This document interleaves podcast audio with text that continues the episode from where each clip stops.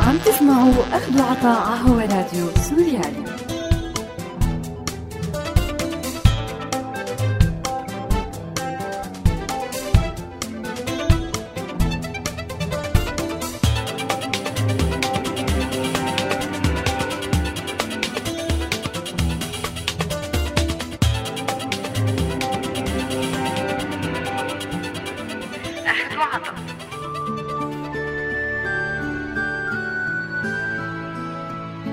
أعزائي المستمعين أهلا وسهلا فيكم. برحب فيكم أنا مايا بحلقة جديدة من برنامج أخذ وعطا. وبذكركم أنه هذا البرنامج بالتعاون مع مبادرة كلنا مواطنون. بالسنة الماضية وبثلاث حلقات استعرضنا ثلاث تجارب مختلفة لشعوب مروا بتجربة سيئة كتير. حرب مدمرة استعمار أجنبي انهيار اقتصادي ولكن وعلى قساوة التجربة والخسارة الكبيرة اللي ترافقت معها كانت بهي الثلاث حالات فرصة. فرصة للتعلم ولتغيير منظومة قيم كانت كمان سبب أساسي بتعرض البلاد لهي الكوارث ولبناء قيم أكثر إيجابية وفتح صفحة جديدة وعدم السماح لهي المأساة اللي تعرضت لها البلد لتجرها لورا وتخليها هي وشعوبها أسيرة للهزيمة والفشل.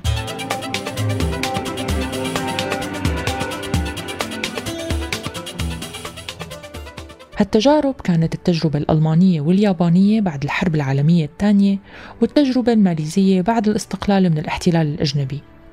بحلقتنا اليوم وبأول حلقة من السنة الجديدة رح نرجع نذكر بهي التجارب. عسى أنه تكون ملهمة لإلنا نحن كسوريين أنه كمان نستفيد من مأساتنا وتجربتنا المؤلمة لحتى نبدأ صفحة جديدة ونبني قيم جديدة ونحرص على أنه ما تتكرر مأساتنا بالمستقبل لأنه كل مأساة وإلها خاتمة. لكن المأساة المستمرة هي إنه ما نقدر نتعلم الدرس وهيك منضل عرضة لمآسي وكوارث مستقبلية وهذا الشيء اللي واجبنا كسوريين إنه نتجنبه مشان الأجيال اللي رح تجي بعدنا. ألمانيا اليابان وماليزيا وتجربتهم بالنهوض من جديد بعد الانكسار والهزيمة. بعد الفاصل خليكن معنا.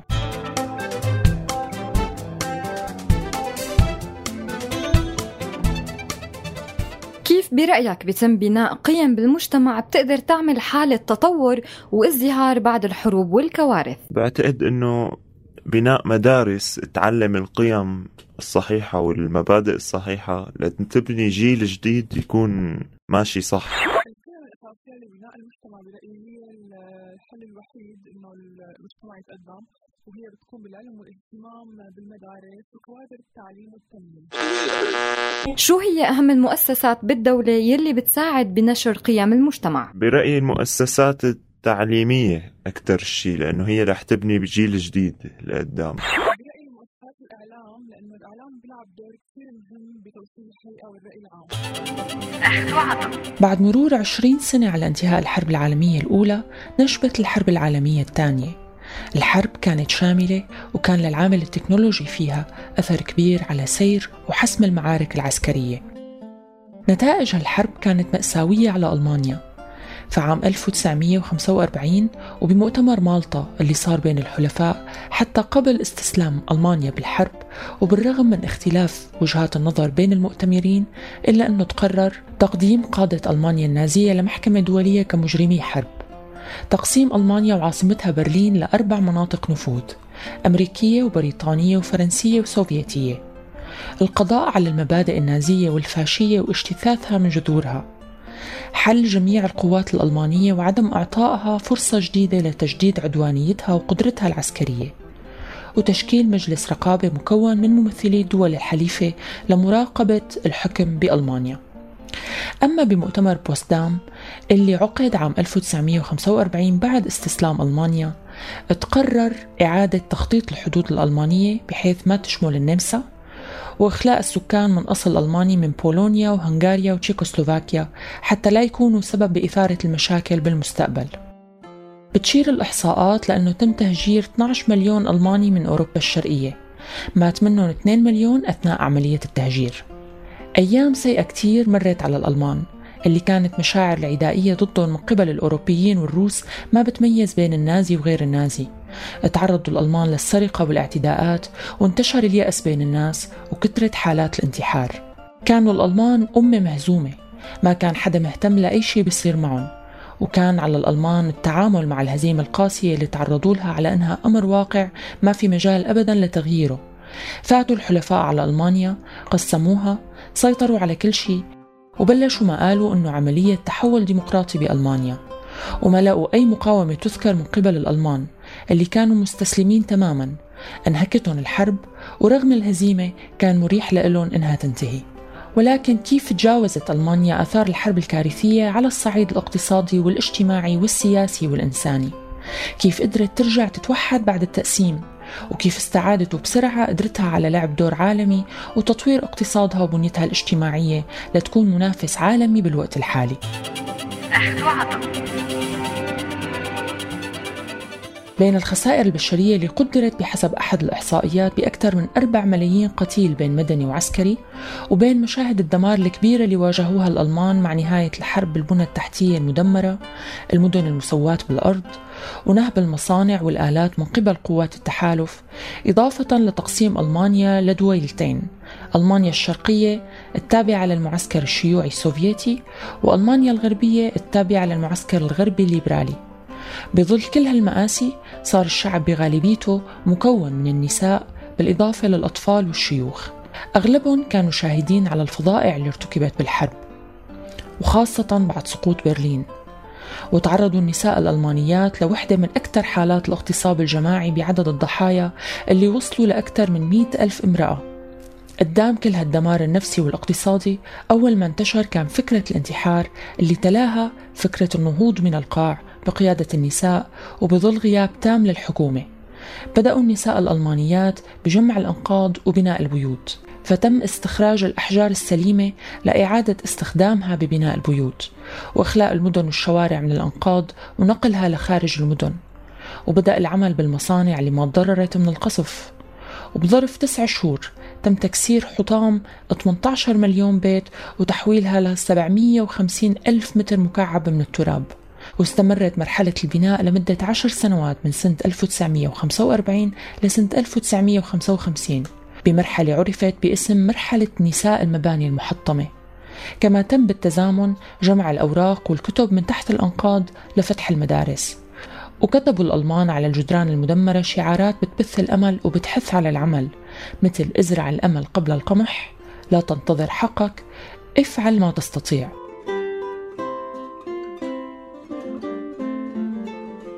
التاريخ الحديث ما نكر دور النساء الألمانيات ببناء بلادهم بالوقت اللي غاب فيه الرجل بسبب الموت والاعتقال وتم تخليد ذكراهم بتماثيل متواجدة بأغلب ألمانيا وتم إطلاق أسماء النساء على عدد من الشوارع والميادين إضافة لوجود أدب يدرس بالجامعات تحت اسم أدب الأنقاض بخلة كفاح النساء ونضالهم بعد الحرب العالمية الثانية. خلال السنوات الأولى اللي عاقبت الحرب فقدت العملة الألمانية المارك قيمتها ومكانتها كعملة متداولة وكان التعامل الاقتصادي غالبا بعملات دول الحلفاء المكلفة بإدارة المناطق الأربعة اللي قسمت لها الدولة الألمانية بعد استسلامها وهالدول هي الاتحاد السوفيتي الولايات المتحدة بريطانيا وفرنسا. وبشهر أيار من عام 1948 قررت الدول الغربية توحيد المناطق الثلاثة اللي كانت تحت إدارتها لتشكل ما سمي بألمانيا الغربية. أما المنطقة اللي كانت خاضعة لسيطرة الاتحاد السوفيتي فأصبحت من عام 1949 ألمانيا الشرقية. وأدى اختلاف الظروف والتطورات السياسية بكل من الألمانيتين لاختلاف أوضاعهم الاقتصادية. فبالوقت اللي ما تحسنت فيه ألمانيا الشرقية اقتصاديا كان اقتصاد ألمانيا الغربية أصبح وخلال فترة قصيرة ما بتتعدى عشر سنوات من أكثر اقتصاديات العالم تطورا وازدهارا. طبعا بهداك الوقت كانت بلشت بوادر الحرب الباردة ولقوا الحلفاء بألمانيا الغربية حليف ضد الاتحاد السوفيتي. وهذا خلى كثير من المعيقات اللي كانوا الحلفاء حاطينها بوش الاقتصاد الألماني تروح بمقابل التحالف معها ضد ألمانيا الشرقية والاتحاد السوفيتي. طبعا كانت هي بداية لصراع جديد وتقسيم جديد لألمانيا بأسباب مختلفة. الخبراء رجحوا أنه العامل الرئيسي اللي أدى لتعثر التقدم الاقتصادي بألمانيا الشرقية كان السياسة الاقتصادية المركزة اللي أنتجتها بإيحاء من الاتحاد السوفيتي اللي كان بيشوف من وجود الفقر والبطالة تربة خصبة لانتشار الشيوعية. إضافة لعوامل تانية أهمها إقدام الاتحاد السوفيتي على نقل العديد من المصانع ووسائل الإنتاج الصناعية من ألمانيا الشرقية للمناطق السوفيتية لتعويض الخسائر اللي لحقت فيها أثناء الحرب. بالإضافة لرفض الاتحاد السوفيتي الانضمام لمشروع مارشال واللي حرم ألمانيا الشرقية من المساعدات المالية الأمريكية اللي تمتعت فيها كل دول أوروبا الغربية. ومشروع مارشال هو مشروع اقتصادي وضعه الجنرال جورج مارشال لإعادة إعمار أوروبا بعد انتهاء الحرب العالمية الثانية. الجنرال جورج مارشال كان رئيس هيئة أركان الجيش الأمريكي أثناء الحرب العالمية الثانية وأصبح بعدها وزير الخارجية الأمريكي سنة 1947 أعلن مارشال بنفسه هذا المشروع بحزيران سنة 1947 بخطاب أمام جامعة هارفارد. وتم تشكيل هيئة أطلق عليها اسم منظمة التعاون الاقتصادي الأوروبي للإشراف على إنفاق 12.4 مليار دولار أمريكي لإعادة إعمار وترميم وتوسيع البنية التحتية وإعادة بناء وتشغيل الاقتصاد وتطوير المشاريع الصناعية الأوروبية. حصلت ألمانيا الغربية وحدة منها على مليار دولار. بالإضافة للمساعدات الأمريكية كان العامل البشري هو العامل الحاسم وبدونه ما كان في لألمانيا نهضة. فالألمان بألمانيا الغربية ورغم انكسارهم بالحرب ووجودهم تحت احتلال فعلي لكن الألمان أبدوا رغبة وإصرار كبير على العمل الشاق وفقا لنظام والتزام صارم. وفورا استعادت ألمانيا الغربية الكثير من قوتها العاملة المؤهلة من خلال الأسرى اللي رجعوا على ألمانيا إضافة لعودة علماء ألمانيا ومهندسيها وأساتذة الجامعات فيها وخيرة أبنائها الهاربين من النظام النازي اللي قرروا العودة لبلادهم للمساهمة بعملية إعادة البناء. بيشيروا المؤرخين الألمان لروح التضحية والعمل الجماعي اللي تميزوا فيها بهالمرحلة. وتراجعت التوترات الاجتماعية بين اللاجئين من أصول ألمانية وبين الألمان أنفسهم. وانخرطوا الكل ببناء الدولة الجديدة. وساهمت النقابات من خلال عدم المبالغة بمطالبها لزيادة الرواتب وتراجعت المطالب الفئوية أمام تحدي بناء ألمانيا الجديدة. عم تسمعوا أخذوا عطاء على راديو سوريالي. شو يلي بيساعد الشعوب والدول إنها تتعلم الدروس وتستفيد من المحن يلي بتمر فيها؟ يعني اللي بيساعد الشعب الشعوب والدول ان تتعلم الدروس وتستفيد إنه بس تبطل كذب شوي وتبطل تهتم بالمصالح الشخصية. ويعني يفكروا شوي بالناس يعني يفكروا شوي إنسانية وخلص برأيي هي أكثر شيء بيخلي الشعوب تستفيد هو التجربة. التجربة اللي بيمرق فيها كل شعب بيتعلم الواحد من تجربته وبيستفاد منها. برأيك في صفات عامة أو سمعة بتتسم فيها المجتمعات؟ إذا في سمات بتتسم فيها المجتمعات يعني في شغلات بنطلعها بس والله ما بعرف يعني بالضبط. بس إيه في أحيانا بيطلع عن شعب شغيل شعب بخيل شعب كريم. أكيد في صفات عامة بتتسم فيها المجتمعات حسب المجتمع اللي عايشين فيه. مثلا المجتمعات الشرقية بتتسم بالالتزام شو يعني قيم مجتمعية أو أخلاق مجتمعية؟ ما بعرف هي يمكن هي العادات اللي بتفرضها العادات المنيحة اللي بتفرضها عليك البيئة الاجتماعية اللي أنت عايش فيها. الاجتماعية هي مجموعة من الروابط الاجتماعية بتربط الأفراد ببعضها. الأخلاق المجتمعية هي الأخلاق اللي بتساهم فيها كل فرد أخلاق المجتمع نفسه مثل الصدق الأمانة آه، العمل الأخلاق. اليابان حاليا إحدى أكثر الدول تقدما بالعالم دولة متفوقة صناعيا واقتصاديا. ومع هيك محافظة على تقاليدها وتراثها الحضاري اللي بيدخل بأدق تفاصيل الحياة والتعامل بين الأفراد. وهذا الشيء بيخلق عند الجميع تساؤل. كيف قدرت اليابان توصل للموقع اللي بتحتله حاليا بالعالم رغم خروجها من تجربة مرعبة؟ هي تجربة القنبلة النووية اللي حصدت أرواح مئات الآلاف سنة 1945 ومنيت بعدها اليابان بهزيمة موجعة بالحرب العالمية الثانية ووقعت بعدها تحت الاحتلال الأمريكي. بفترة الحرب العالمية الثانية كانت اليابان تحت حكم الإمبراطور هيروهيتو. وكانت القناعة السائدة وحسب تعاليم الشينتو هي الديانة الأولى باليابان أن الإمبراطور هو سليل آلهة الشمس. ممنوع حدا يشوفه بأم العين. ممنوع ينسمع صوته. وكأنه إله غير مرئي وغير ملموس ولكنه مسيطر على كل شيء. كان تقديم الحياة من أجل الإمبراطور هو معيار للشرف بالنسبة لليابانيين. وبما أنه فكرة الانتحار أصلا هي فكرة محترمة وموقرة ضمن تعاليم الشينتو الدينية المنتشرة باليابان كان الانتحار بالمعارك لتحقيق هدف عسكري فكرة واردة ومشرفة. انتشرت فرق الكاميكازي واللي كانوا فيها الطيارين اليابانيين يفجروا أنفسهم بطياراتهم بالأهداف العسكرية المعادية. وكان هذا الاستشراس بالقتال عامل أساسي بميل الكفة لصالح اليابانيين بالحرب. إلى أن قصفت أمريكا هيروشيما وناكازاكي بالقنبلة النووية اللي حتى أمريكا ما كانت لسه مدركة لقدرتها التدميرية. عاشوا اليابانيين رعب غير مسبوق بتاريخهم ورغم المقاومة المستمرة إلا أنه هزيمة اليابان بالحرب تأكدت. وبهي اللحظة التاريخية الحاسمة بآب سنة 1945 سمعوا اليابانيين صوت إلههم المعبود الإمبراطور هيروهيتو عن طريق الإذاعة اليابانية لأول مرة. كان بكفي أنه اليابانيين يسمعوا صوته ليعرفوا أنه في حقبة انتهت وفي حقبة جديدة بلشت. بعد ما انكسرت أولى المقدسات أعلن هيروهيتو استسلام اليابان وطلب من الشعب القبول بالأمر الواقع وقال جملته الشهيرة من الحكمة أن نتحمل ما لا يمكن تحمله فذلك أفضل من سفك المزيد من الدماء. تحول بعدها الإمبراطور لإنسان عادي راح بنفسه ليسلم اليابان ويوقع المواثيق مع الحاكم الجديد القائد الأمريكي ماك آرثر. وقف الزمن بالنسبة لليابانيين ودفع الشعور بالعار كتار للانتحار. قبل ما يرجعوا اليابانيين يتمالكوا أنفسهم ويصير شعار المرحلة الكرامة رغم الهزيمة بسبب احترامهم لرغبة الإمبراطور اللي بيمثل كل شيء قاتلوا مشانه من الهوية والحضارة اليابانية للقيم اللي عايشة بكل واحد فيهم. برز الإصرار على الحياة ونزعة التفوق رغم كل شيء بترديد شعار لن تتكرر. هي الفجيعة ما رح تتكرر. هي الهزيمة ما رح تتكرر. هذا الموت ما رح يتكرر. دستور جديد للبلاد أعلن بسنة 1947 ومعه بلشت مرحلة جديدة وصعبة للشعب الياباني. كان عم يحاول فيها ينهض من جديد ويبني قيم جديدة تحميه من كوارث جديدة. قيم نبذت الحرب وقدست السلام. ومع أنه الدستور تم إقراره خلال الحكم الأمريكي قدروا اليابانيين يستفيدوا من هي الفرصة وياخذوا تجارب جديدة بالديمقراطية والتكنوقراط وإدارة البلاد والسياسة. حاول المجتمع الياباني يعوض الوقت اللي راح بالخسارة عبر دفع عجلة العلم والتعليم على الرغم من الصعوبات الاقتصادية. والصورة الشهيرة للصف اللي واقف مدرسه بالعراء وطلابه قاعدين على مقاعد مكسرة بعد فترة قليلة من القنبلة الذرية بقلب هيروشيما هي أحد الأمثلة على هذا التصميم الياباني. لكن شو اللي خلى اليابانيين يتكاتفوا بهي الطريقة ويسمعوا للإمبراطور ويتقبلوا الهزيمة ويفتحوا صفحة جديدة؟ الحقيقة أن منظومة العادات والتقاليد اليابانية هي أحد الأسباب الأساسية بنجاح التجربة اليابانية.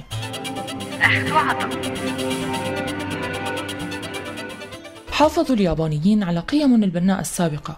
حب الوطن والولاء له والشعور بالانتماء للأسرة والمجتمع والمدرسة ومؤسسة العمل. والاحترام الشديد للأكبر سنا وخبرة والتوازن بين حقوق الجماعة وحقوق الفرد وواجباته. الياباني ما بيفصل نفسه ومصلحته عن الجماعة ومصلحتها بحال من الأحوال. شو ما كانت هي الجماعة بتمثل؟ جماعة صغيرة مثل الأسرة أو جماعة كبيرة مثل مجموعة العمل بشركة ضخمة. بنفس الوقت المجموعة بمنظومتها القانونية والاجتماعية بتحترم مكانة الفرد. بالعمل تستمر العقود مدى الحياة كنوع من تقديم الضمانة للعامل ولحتى يحس بالانتماء لمكان العمل ويعمل كل شيء بيقدر عليه لإنجازه.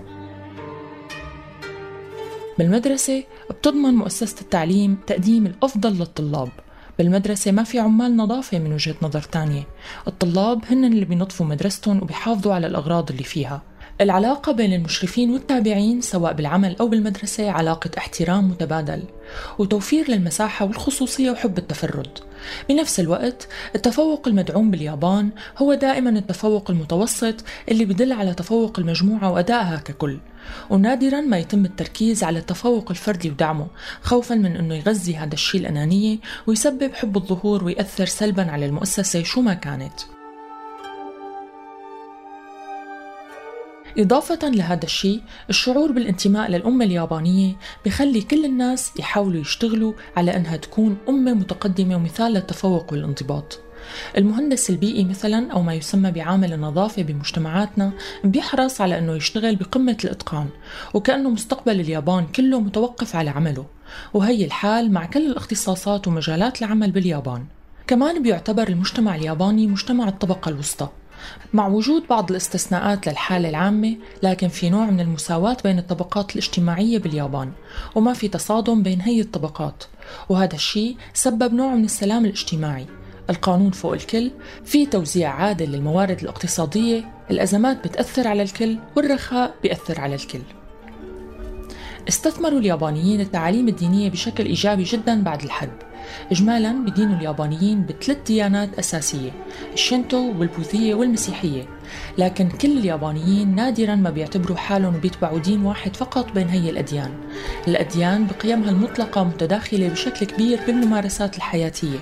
ممكن الشخص يكون مسيحي ويتزوج على الطريقة الشينتوية وبتتداخل تقاليد الأديان بالزواج والولادة والموت. بنفس الوقت ركزوا اليابانيين على الأشياء اللي بتجمعهم وبتجعلهم أشخاص أفضل مع بعضهم ولوطنهم مثل التركيز على قيم التسامح والتواضع وتفهم الآخر والتركيز على العمل وإتقانه وكأنه عبادة.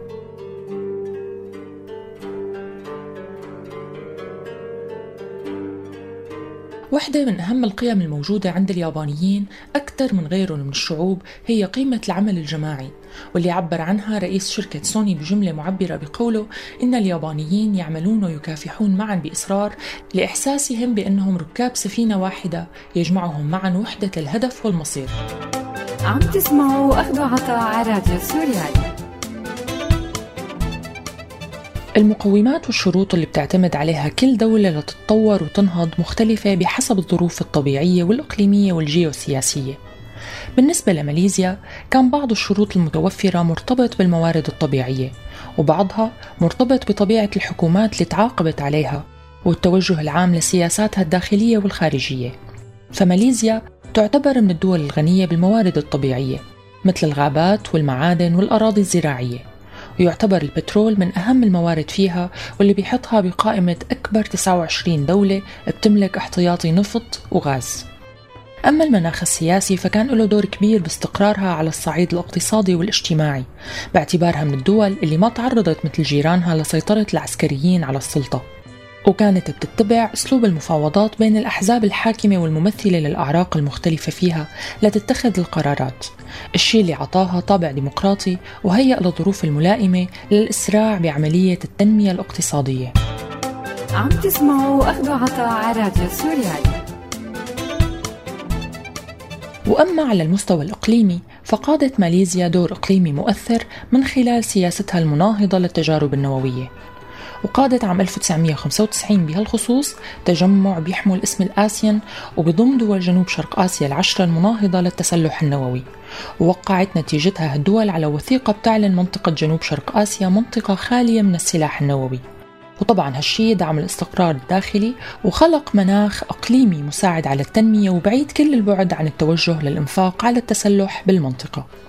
واجهت ماليزيا كثير من المشاكل والمصاعب بعد الاستقلال منها انتشار الفقر والبطالة وافتقار سكان الريف للمهارات والخبرات نتيجة عزلهم عن المدن خلال فترة الاستعمار. إضافة لتدني مستوى التعليم اللي كان إلزامي فقط لمرحلة الابتدائية غير سيطرة الصينيين على رؤوس الأموال وامتلاكهم لأكثر من ثلث ثروات البلد بالوقت اللي كان فيه ما يقارب 65% من السكان الأصليين بعيشوا تحت خط الفقر.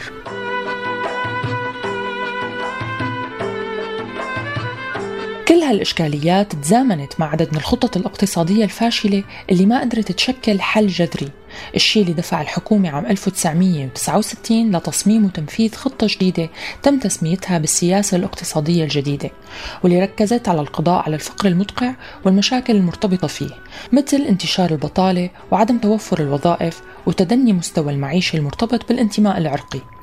وتمثلت دعائم الخطة الاقتصادية الجديدة بإصرار الحكومة على زيادة النفقات المخصصة لمشروعات إنشاء وتطوير البنية التحتية الأساسية إضافة لمشاريع تحسين الأحوال المعيشية والصحية والتعليمية للسكان.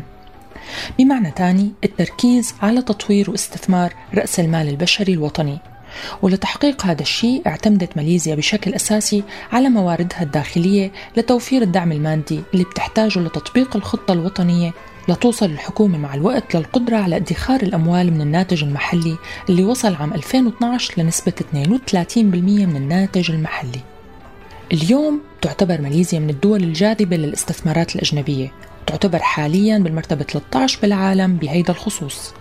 وبلغ حجم الاستثمارات الأجنبية فيها 10 مليار دولار بعام 2012 كذلك تعتبر السياحة اليوم من مصادر الدخل المهمة خاصة وقت بنعرف أنه عدد السياح كمان عام 2012 بلغ مليون و25 ألف سائح وهو رقم كبير بالنسبة لبلد بيبلغ عدد سكانه 30 مليون نسمة. وهذا الشيء بيتطلب استقرار سياسي واجتماعي قدرت تحققه ماليزيا. من أعقد المشاكل اللي واجهت ماليزيا بعد استقلالها من الاحتلال البريطاني هي مشكلة التعدد العرقي واللي كان الاستعمار له يد بتعقيداتها أيضا. هي المشكلة اللي سماها مهاتير محمد بمعضلة الملاي مشكلة أثرت بشكل كتير كبير على المجتمع الماليزي وكان من الضروري تكون حاضرة بسياسات كل الحكومات المتعاقبة على إدارة الدولة. اللي عمله الاحتلال البريطاني هو استخدام وفود من الصينيين والهنود للسيطرة على المطاط ومناجم القصدير بعد إبرام اتفاق ضمني على تبعية هي الأعراق للاحتلال الإنجليزي مقابل ضمان سيطرتهم على البلاد. وهيك بتضل الموارد الهامة تحت السيطرة البريطانية والموالين لإلها. وبحلول سنة 1947 انقسمت ماليزيا لثلاث أعراق أساسية هي الملاي المسلمين والصينيين واللي كان كل واحد فيهم حوالي 44% من السكان إضافة للهنود اللي كانوا حوالي 10% بعد الاستقلال حاولت حكومة ماليزيا معالجة الاختلال اللي خلفه الاستعمار وواجهت كثير من الصعوبات والتجارب الفاشلة المرتبطة بالمشاكل التعليمية والاجتماعية اللي كانت موجودة عند فئة الملاي. واللي كانوا عم يعيشوا بفقر مدقع وما بيملكوا أكثر من 2.5% من ثروات البلاد اللي تجمعت بإيد الصينيين ومستواهم التعليمي متدني جدا. واصطدموا الملاويين المهاجرين من الريف للمدينة لإيجاد فرصة عمل بأنه أغلب أصحاب رؤوس الأموال والعمل هن من الصينيين. هذا الشيء أدى لصدام عرقي وزاد من حدة المطالبة بالمساواة مع الصينيين عند المسلمين الملاويين. لكن بسنة 1969 ومع بدء تنفيذ ما عرف باسم السياسة الاقتصادية الجديدة بلشت الحكومة تاخذ خطوات فعلية للقضاء على الارتباط بين العرقية والمستوى الاقتصادي.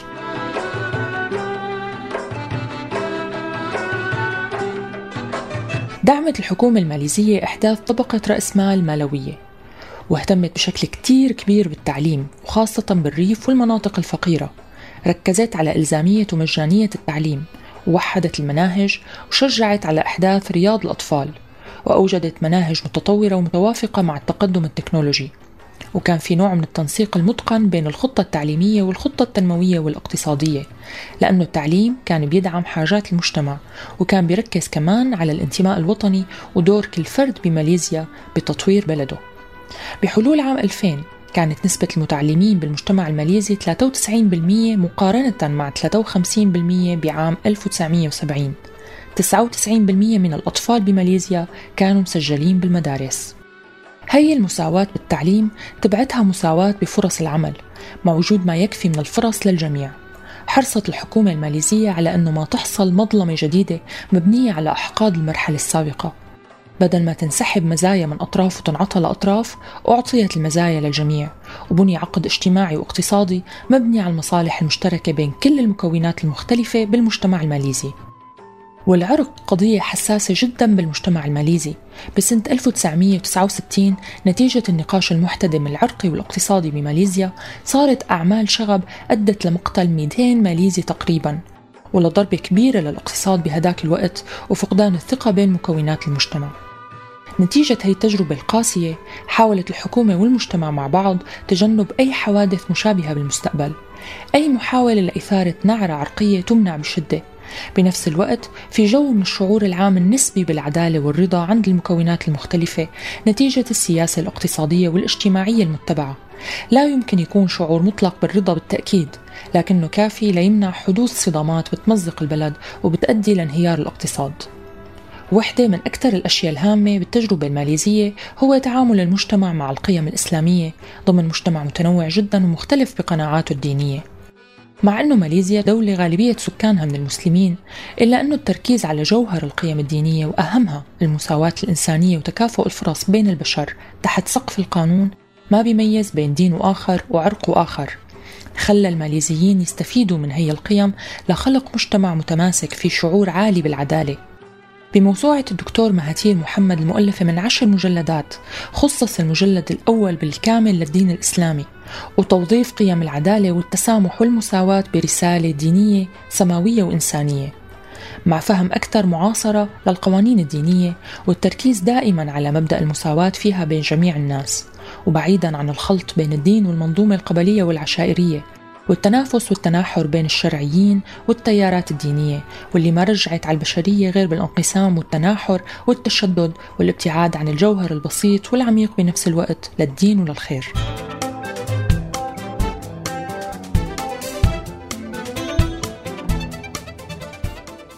لحتى نكون واقعيين لسه في كتير مشاكل متسربة من الأزمة العميقة اللي تعرضت لها هي البلاد. ما فينا نقول إنه كل المشاكل انحلت.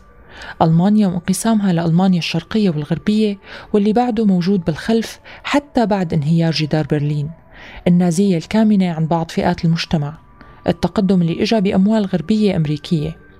اليابان اللي أخذت جانب المعسكر الغربي بسياساته اقتصاديا وسياسيا. ماليزيا اللي بعدها عم تعاني لحد الآن من رواسب التقسيم العرقي والطائفي وعدم الشعور بالمساواة والعدالة بين فئات المجتمع رغم كل المحاولات من الحكومات لملاقاة حلول لإلها. هي المشاكل والتعقيدات بدها وقت أكثر لحتى تنتهي. وباللحظة اللي بتغفل فيها قيادات البلد وحتى الشعوب لما بتتخلى عن قيمها الإيجابية مقابل مخاوف ما أو بتتناساها نتيجة التعرض لأزمة جديدة اقتصادية أو سياسية. بهي اللحظة ممكن كل شيء يرجع لنقطة البداية. القيم هي مو مسلمات أو أمور بمجرد ما يتبناها شعب ما فهي محمية من أي هجوم مضاد هاي القيم بحاجة لدعم ومتابعة ولتذكير الناس بكل لحظة بالسبب اللي خلاهم يتبنوا هي القيم ويتركوا غيرها. لحتى تكون قيم قوية بتقدر تحمي البلد من تجربة سيئة جديدة.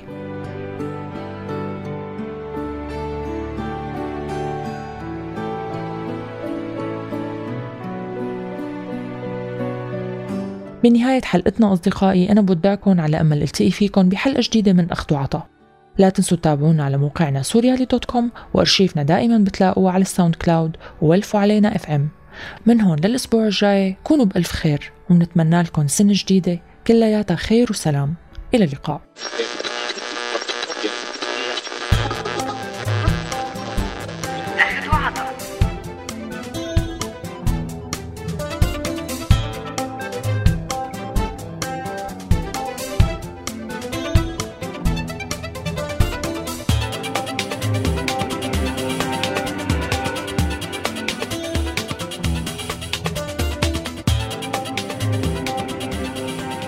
هذا البرنامج من إنتاج راديو سوريالي 2016